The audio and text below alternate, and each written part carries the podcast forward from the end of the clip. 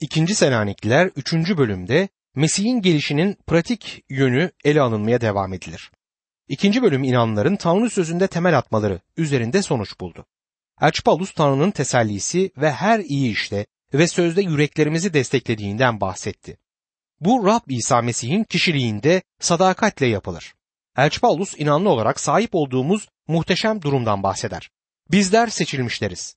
Kutsal ruhun kutsaması ve gerçeğe imanınız aracılığıyla Tanrı sizi ta başlangıçtan kurtuluş için seçti. Ve bizler Rab İsa Mesih'in yüceliğine erişme amacına çağrıldık. Bu büyük bir iştir. Heyecan verici ve tüyleri diken diken yapan bir çağrıdır. Üçüncü bölüme geldiğimizde Elçi Paulus inanlar olarak bize verilen belirli sorumlulukları bildirir. Efes'teki inanlara yaptığı gibi tıpkı vaktinizi çağrıldığınız çağrıya yaraşır biçimde geçirin diye çağrıda bulunur. Şimdi Elçi Paulus aynı şeyleri Selanik'teki inanlara söyleyecektir. İnanlar yaşam yürüyüşlerinde desteklenmelidir. İkinci Selanikliler 3. bölüm 1 ve 2. ayetlerde şöyle yazar. Son olarak kardeşler Rabbin sözü aranızda olduğu gibi hızla yayılıp yüceltilsin diye bizim için dua edin. Ahlaksız, kötü insanlardan kurtulmamız için de dua edin. Çünkü herkes iman etmiş değildir der. Burada söylenen Tanrı sözünün inanlıyı kötülükle dolu dünyada inanlının yaşam yürüyüşünü sürdürmesini sağladığıdır. Söz inanlısını gittiği yolda destekler. Son olarak kardeşler derken Elçi Paulus bu mektubun sonuç noktasına geldiğine işaret eder. Bizim için dua edin diyor. Dua her inanlının katılabileceği bir olgudur. Duanın kutsal ruhun armağanlarından biri olduğuna inanmıyorum. Dua her inanlının yapması gereken şeydir. Eğer başarıyla sonuçlanması isteniyorsa her iş duayla başlanmalıdır. Her başarılı kutsal kitap vaizinin, habercinin, her kutsal kitap öğretmeninin arkasında kendisi için dua eden kişiler olmalıdır. Elçi Paulus Selaniklilerden sözün yayılmasında etkin olabilsinler diye dua ister. Elçi Paulus çok özel bir görev yapıyordu. Kendisi bir elçiydi, haberciydi. Kutsal sözü yayan bir müjdeciydi. Bir çoban ve kutsal söz öğretmeniydi. Tüm bu hizmetleri yaptı. Bu hizmetlerin tümünü Selanikliler için de yerine getirmiştir. Onları Rab'be yöneltti ve onlara öğretti. Şimdi mektuplarıyla onların çobanları, vaizleri gibi hareket eder. Onları yalnız kutsal sözde eğitmekle kalmaz, aynı zamanda teselli ve cesaret verir. Onlarla birlikte olduğu noktalardan birisi ise duadır. Bizim için dua edin diyor. Rabbin sözü tıpkı size eriştiği gibi hızla yayılsın ve yüceltilsin. Günümüzde Elçi Paulus için dua etmene gerek yok ama başkaları için dua edebilirsin. Bildirdiğim Tanrı sözü hızla yayılsın ve yüceltilsin diye benim için dua edersen bundan mutlu olurum. Tanrı sözünün yüceltilmesi günümüzde büyük bir ihtiyaçtır. Dua edin. İnsanlar Tanrı sözünü yaşamlarında yüceltsinler. Kutsal kitaba inandıklarını söyleyen kişilerin ona karşı olan ilgisizlikleri çok üzmekle de kalmayıp beni kaygıya götürüyor. Bu tür kişiler için dua edin. Öyle ki kutsal kitabın içine girsinler ve ne söylüyor bilsinler. Sevgili dinleyicim, izin verirseniz senin vaizin için dua edeyim. İzin ver çok dikkatle anımsatayım. Vaiz olmak ne demektir biliyorum. Kutsal kitap öğretmeni olarak konferanslar vermek ne demek bilirim. Orada burada kutsal kitap seminerleri vermek bir kilisede vaiz olmaktan çok daha kolaydır. Bir kilise vaizinin taşıdığı sorumluluk büyüktür. Açıkça söylersek uğraşılması hiç de kolay olmayan birçok insanın derdini bu kilise önderi çeker. Elçi Paulus bizim için dua edin, ahlaksız kötü insanlardan kurtulalım diyor. Kilisede kötü adamlar olabileceği bilmiyorum aklınıza geliyor mu? Vaizin bu tür insanlardan kurtulmaya ihtiyacı var. İncil'in müjdesinin işi doğum uzmanının işi gibidir. Doğum uzmanı küçük bebeği dünyaya getirtir. Bunu bir ameliyat olarak niteleyebiliriz ama bundan sonra küçük bebek çocuk doktorunun eline gelir.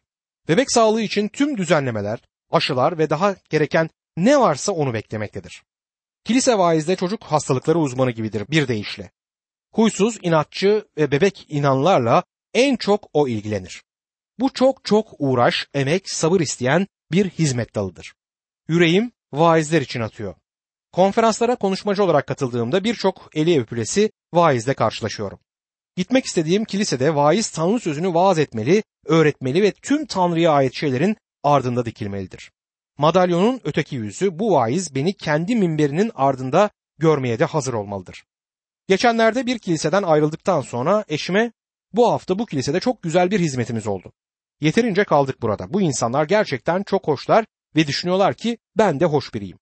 Tam zamanında buradan ayrıldık. Biraz daha kalsaydık onlar benim nasıl biri olduğumu, ben de onların nasıl insanlar olduğunu anlayacaktım. Onlara yararlı oldu. Vaiz bunu bana söyledi.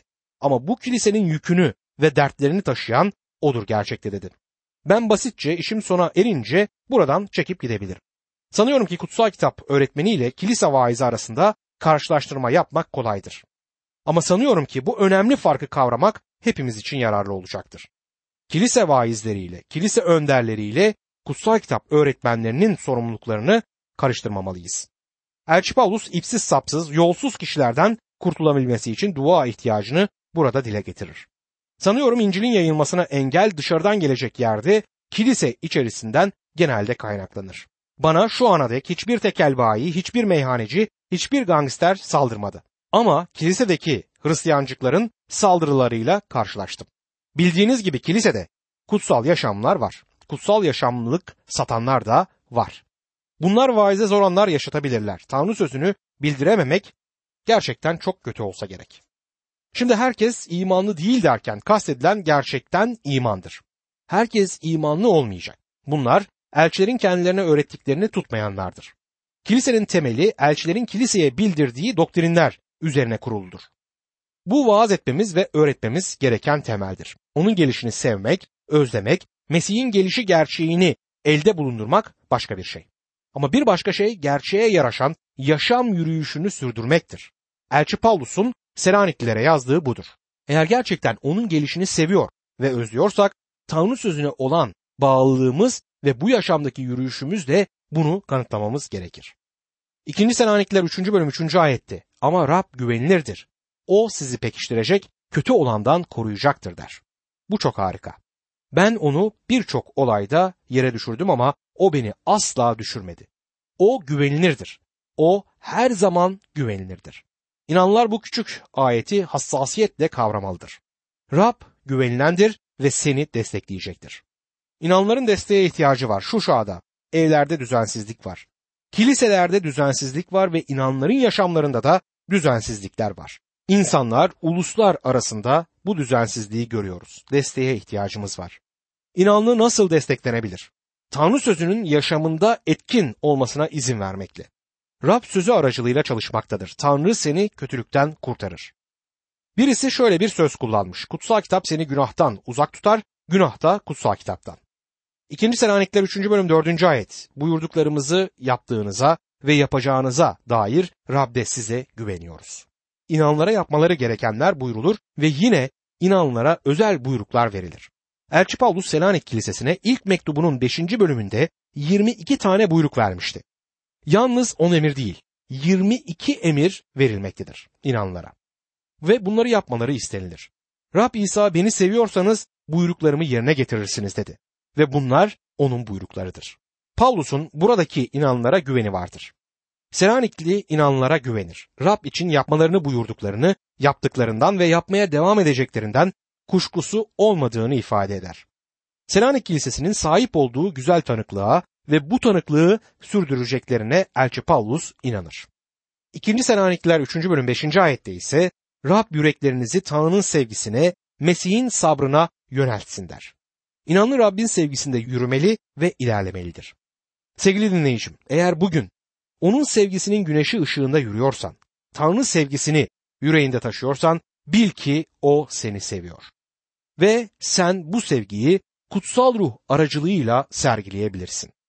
Çünkü yalnız Tanrı'nın ruhu, Tanrı sevgisini bize gerçek kılabilir. Sevgi ruhun ürünüdür. Doğal olarak her Ali'yi, Veli'yi, Ahmet'i, Mehmet'i sevemezsin. Tanrı bunu beklemiyor zaten bizden. Öyle inanıyorum. Elçi Paulus Filipe'deki inanlara yazdığı mektubunda sevgimizin yargıya konulacağını bildirir. Böylece çevremizdekileri sevmekte dikkatli olmamız gerektiği vurgulanır. Çevrede onlara kollarımızı açtığımızda canımızı yakacak insanlar var. Tüm bu acılar Mesih'in katlanışına doğrultulsun. Bu tartışmalara kapılmadan, lütuf çağında olduğumuzun bilincinde, sabırla Mesih'in ikinci gelişini beklemeliyiz. Bunlar harika vaatlerdir. İkinci Selanikliler 3. bölüm 6. ayet. Kardeşler, bizden aldıkları öğretilere uymayıp boş gezen bütün kardeşlerden uzak durmanızı Rab İsa Mesih'in adıyla buyuruyoruz diyor. Kardeşlerim size buyuruyoruz. Elçi Paulus kimsenin gözünün yaşına bir anlamda burada bakmaz. İnanlı düzensizlikle günlerini geçiremez. Meyhanelerde, diskolarda uyuşturucu müptelalarıyla oturup onlara tanıklık vermemiz gerektiğinde ısrar eden kişileri tanıyorum. Ne yazık ki bu yolu izleyen ve sonunda alkolik olan bir bayanı da tanırım. Tanrı her tür dengesizlikten uzak durmamızı buyurur. Elbette onlara tanıklıkta bulunacağız ama onların seviyesine inmeden kendimizi ifade edeceğiz. Tanrı kimi izlememiz gerektiğini açık bir şekilde bizlere bildirerek 2. Selanikler 3. bölüm 7. ayette şöyle diyor. Bizleri nasıl örnek almanız gerektiğini kendiniz biliyorsunuz. Çünkü biz aranızdayken boş gezenler değildik. Göçmen kuşlar birlikte uçar. Hangi sürüyle birlikte uçman gerektiğine karar vermelisin. İnanlılar ilişkiye girdikleri kişilerle olan bağlantılarını nereye dek götürebilecekleri konusunda aşırı derecede dikkat göstermelidir. İnanlılar yaşarken yaptıkları işlerde desteklenmelidir. Selanikliler Mesih'e bağlılıkta yürümekteydiler ve bunun yüzünden işkencelerle karşılaşmaktaydılar. Elçi Paulus onları teselli etti, eğitti ve yüreklendirdi. Şimdi onlara kendisinin de işkenceler çektiğini ve sıkıntılar yaşadığını aktaracaktır. Sevgili dinleyicim, eğer Tanrı için yola çıkmışsan, senin de yaşayacağın bir şey mutlak olacaktır. İnanların Tanrı sözünde desteklenmeleri gerektiğini gördük. İnanlının yaşam yürüyüşünün nedenli önemli olduğuna ve bu yürüyüşün Tanrı sözü temeline oturması gerektiğine değindik. Sahip olmamız gereken bu şeyleri Tanrı sözü yüreğimize ve yaşamlarımıza uygulasın. 2. Selanikliler 3. bölüm 8. ayette. Kimsenin ekmeğini karşılıksız yemedik. Herhangi birinize yük olmamak için uğraşıp didindik. Gece gündüz çalıştık diyor. Evet, kimsenin ekmeğini karşılıksız yemedik. Bu karşılıksız almadık, karşılığını ödedik demektir. Sizden hiçbirinize yük olmamak için emek ve çaba harcayarak gece gündüz çalıştık diyor Elçi Paulus. Paulus'un yaptığı habercilik hizmetini içlerinden kimsenin ödemesine Paulus izin vermedi. Bu özellikle Elçi Paulus'un ilk haber gezisine ilişkin bir vurgudur. Bir kente kasabaya gittiğinde orada kendisi için ayrılmış otel odaları yoktu. Herhangi bir maaşı yoktu. İlk kez geldiği yerde sevgi gösterileriyle karşılanmadı. Kendisi için ödemek konusunda çok dikkatliydi. Bunu Selaniklilere ve Korintlilere bildirdi. Kiliseler kurarken kendi geçimini çadır yaparak çalışarak Elçi Paulus sağlamaktaydı. Kilise kurulduktan sonra Paulus onları ikinci, üçüncü kez ziyaret ettiğinde kendisine bağışta bulunuldu. Galatyalı inanlara vermeleri gerektiğini Paulus bildirmektedir. Filipeli inanlara armağanları için teşekkür eder. Üçüncü hizmet gezisi sırasında Yaruşilim'deki fakir inanlara verilmek üzere bir bağış alır. Sonuç olarak diyebiliriz ki Mesih'e imanın büyük gerçeği Elçi Paulus'un bir fanatik olmasına ya da para konusundaki uygunsuz tutumlara girmesine neden olmadı. Her çağda kökten dinci, fanatik insanlar yaşamıştır. Özellikle son yüzyılda Mesih'in gelişini bekleyen bir takım inanlar evlerini, tüm mallarını sattılar. Beyaz çarşaflara büründüler ve damlarda oturup Rabbin gelişini beklemeye başladılar. Onları fanatik olarak nitelemeye neden olan birkaç etken vardır. Örneğin, neden damlara, çatı tepelerine çıkıyorlar? Çatıda olmayanları almaya Rabbin gücü yeterli değil mi? Eğer yükseğe çıkmak gerekliyse dağların tepeleri daha iyi değil mi? Ve neden beyaz çarşaflara bürünüyorlar? Rabbin yanına dünyadan getirdiğimiz giysilerle girebilir miyiz? Neden her şeylerini paraya dönüştürdüler? Paralarını yanlarına alabilecekler mi?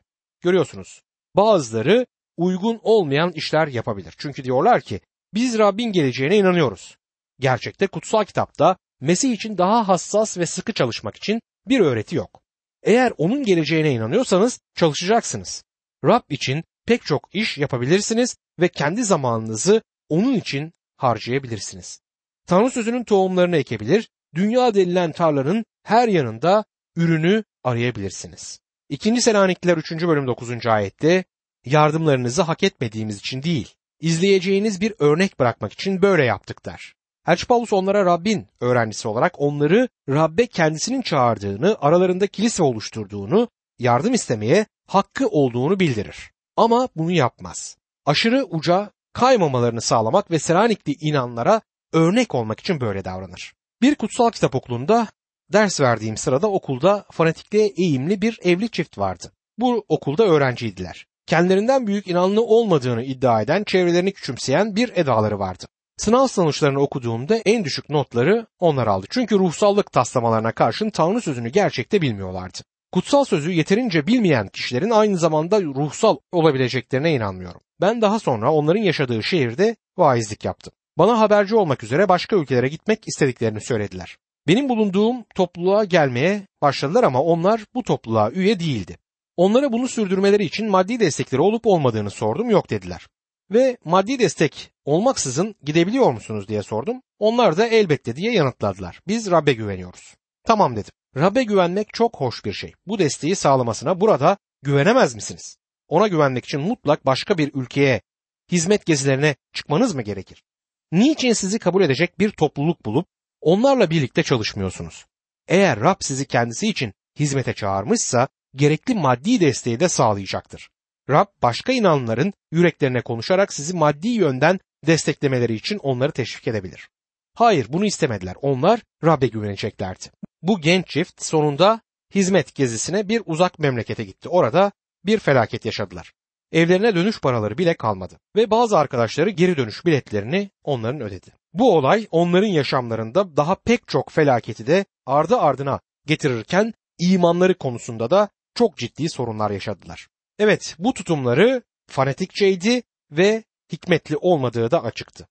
Elçi Paulus habercilik görevini çok pratik bir hale getirir. Elleriyle çalışarak habercilik hizmetinin getirdiği masrafları karşılar ve bunu Selanik'teki inanlara örnek olsun diye yapar. Ve bu düşünceyi gelecek ayette noktalar. 2. Selanikliler 3. bölüm 10. ayet. Hatta sizinle birlikteyken şu buyruğu vermiştik. Çalışmak istemeyen yemek de yemesin. Rabbin gelişini bekleyen inanlı rüyaya yatmış kişi değildir. Çalışan bir kişidir. İş yoksa yemek de yok. Bu vurguladığı genel bir kural. Çalışmak istemeyen yemek de yemesin. Uç noktalarda yaşayan fanatik kişilerin yaptıklarını düşünmek şaşırtıcı. Çok uzun yıllar önce bir kutsal kitap okulunda geçen bir olayı anlattılar bana. İki genç bir odada kalıyormuş ve okulda kendilerinin o süper inanlardan olduklarını iddia edip tümden kutsal olduklarını düşünüyorlarmış. Bir gün kahvaltıya gelmemişler. Öğle yemeği ve akşam yemeğinde de yokmuşlar. Bunun üzerine müdür odalarına gitmiş. Onları gözlerini göğe dikmiş pencereden dışarı bakar vaziyette bulmuş. Hasta olup olmadıklarını sormuş. Hasta değillermiş. O halde neden yemeğe gelmiyorsunuz diye sormuş. Biz Rab'be güveniyoruz. Bize yemeğe gidip gitmeyeceğimizi söylemesini bekliyoruz demişler. Aç mısınız diye sormuş. Öğretmen aç olduklarını söylemişler. Bunun yemeğe inmeniz için Rab'den bir bildiri olduğuna inanıyor musunuz diye sormuşlar. Hayır yanıtını almış. Biz ondan özel bir vahiy bekliyor ve o bunu bildirene dek buradan ayrılmayacağız. Sonra müdür onlara şöyle demiş. Size bir şey söyleyeyim. Ayrılacaksınız ama yemekhaneye değil, okuldan ayrılıyorsunuz. Burada sizin gibilere yer yok. İşte bu tür fanatiklere orada yer yoktur. Bugünlerde bu tür fanatik konularda çarpıklıklar gözümüze geliyor.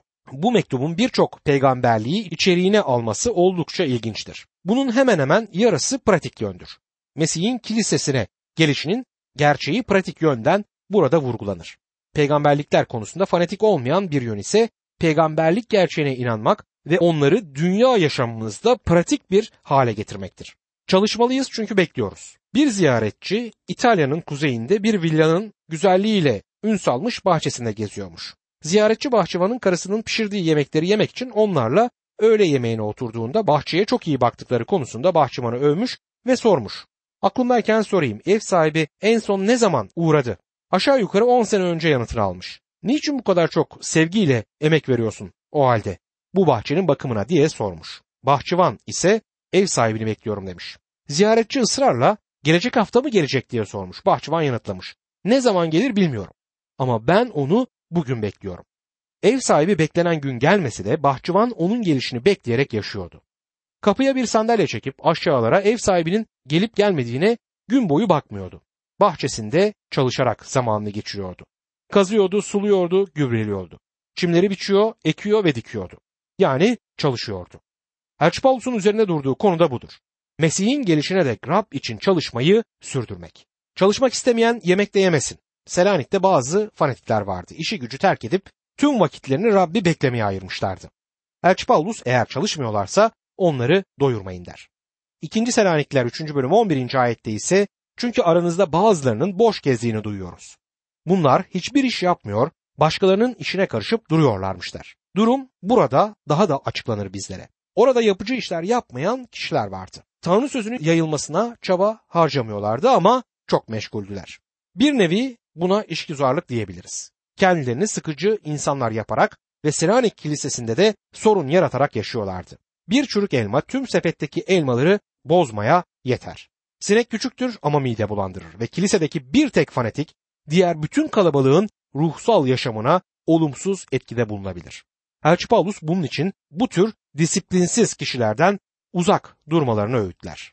Bunu öğütlerken sanırım kastettiği bu işgüzar kişilerdi. Atlı karıncalar gibi bu kişiler her işe de burunlarını sokmaktan geri durmuyorlardı. Selanik Kilisesi'ndeki etkinlikler karıncaların çalışmasını andıran düzeydeydi. 2. Selanikler 3. bölüm 12. ayette böylelerine Rab İsa Mesih adına yalvarıyor, şunu buyuruyoruz. Sakin bir şekilde çalışıp kendi kazançlarından yesinler. Bu pek ruhsal görünmüyor değil mi? Tanrı bilimsel görünmez ama oldukça pratiktir. Her işe burnunu sokan, sorun yaratan işgüzarlar serin kanlılıkla, sessizlikle, yapıcı işlerde çalışıp kilisenin birçok sorununa çözüm bulabilirdi. İlginçtir, hizmet ettiğim kilisede en büyük sorunu yaratan kişi en az yardım eden kişidir. Bunu bir tesadüf sonucu gördüm. Kilisede bu adamdan şikayetler vardı. Bu kişiler attıkları adımdan çok çok daha fazla sorun yaratır. Selanik'te buna benzer kişiler olmuş olmalıdır. Elçi Paulus sessizce çalışıp kendi işlerine bunlar baksın der. 2. Selanikler 3. bölüm 13. ayette sizlerse kardeşler iyilik yapmaktan usanmayın diyor. Bu harikadır. Kutlu umuda sahip inanlı Rab için çalışırken bezmeyecek, usanmayacaktır. Tanınmış vaiz Moody çalışmakta yoruluyorum ama çalışmaktan yorulmuyorum dedi. İkinci Selanikler 3. bölüm 14. ayette eğer bu mektuptaki sözlerimize uymayan olursa onu mimleyin. Yaptıklarından utanması için onunla ilişkinizi kesin diyor. Kiliselerdekiler kilisede sorun çıkaranlardan uzak durmalıdır. Bu kişilerin dikenli dilini bilen birçokları bana dokunmayan yılan bin yaşasın dercesine aman benim hakkımda konuşmasın diye bu kişilerin yaptıklarına, söylediklerine göz yumar. Dedikodulardan uzak kalmak kilisenin yapabileceği en iyi şeylerden birisidir. 2. Selanikler 3. bölüm 15. ayette yine de onu düşman saymayın bir kardeş olarak uyanın diyor. Uzakta kalan inanlıyı geri kazanmanın yolu burada önümüzdedir. 2. Selanikler 3. bölüm 16. ayette esenliğin kaynağı olan Rabbin kendisi size her zaman her durumda esenlik versin. Rab hepinizle birlikte olsun der. Bu sevecenlikle dolu bir ifadedir. 2. Selanikliler 3. bölüm 17. ayette ise ben Pavlus bu selamı kendi elimle yazıyorum. Her mektubumun özel işaretidir bu. Böyle yazarım diyor. Elçi Pavlus'un imzasını taşıyan bir mektup olduğu burada vurgulanır. 2. Selanikliler 3. bölüm 18. ayette Rabbimiz İsa Mesih'in lütfu hepinizle birlikte olsun der ve bu mektup biter.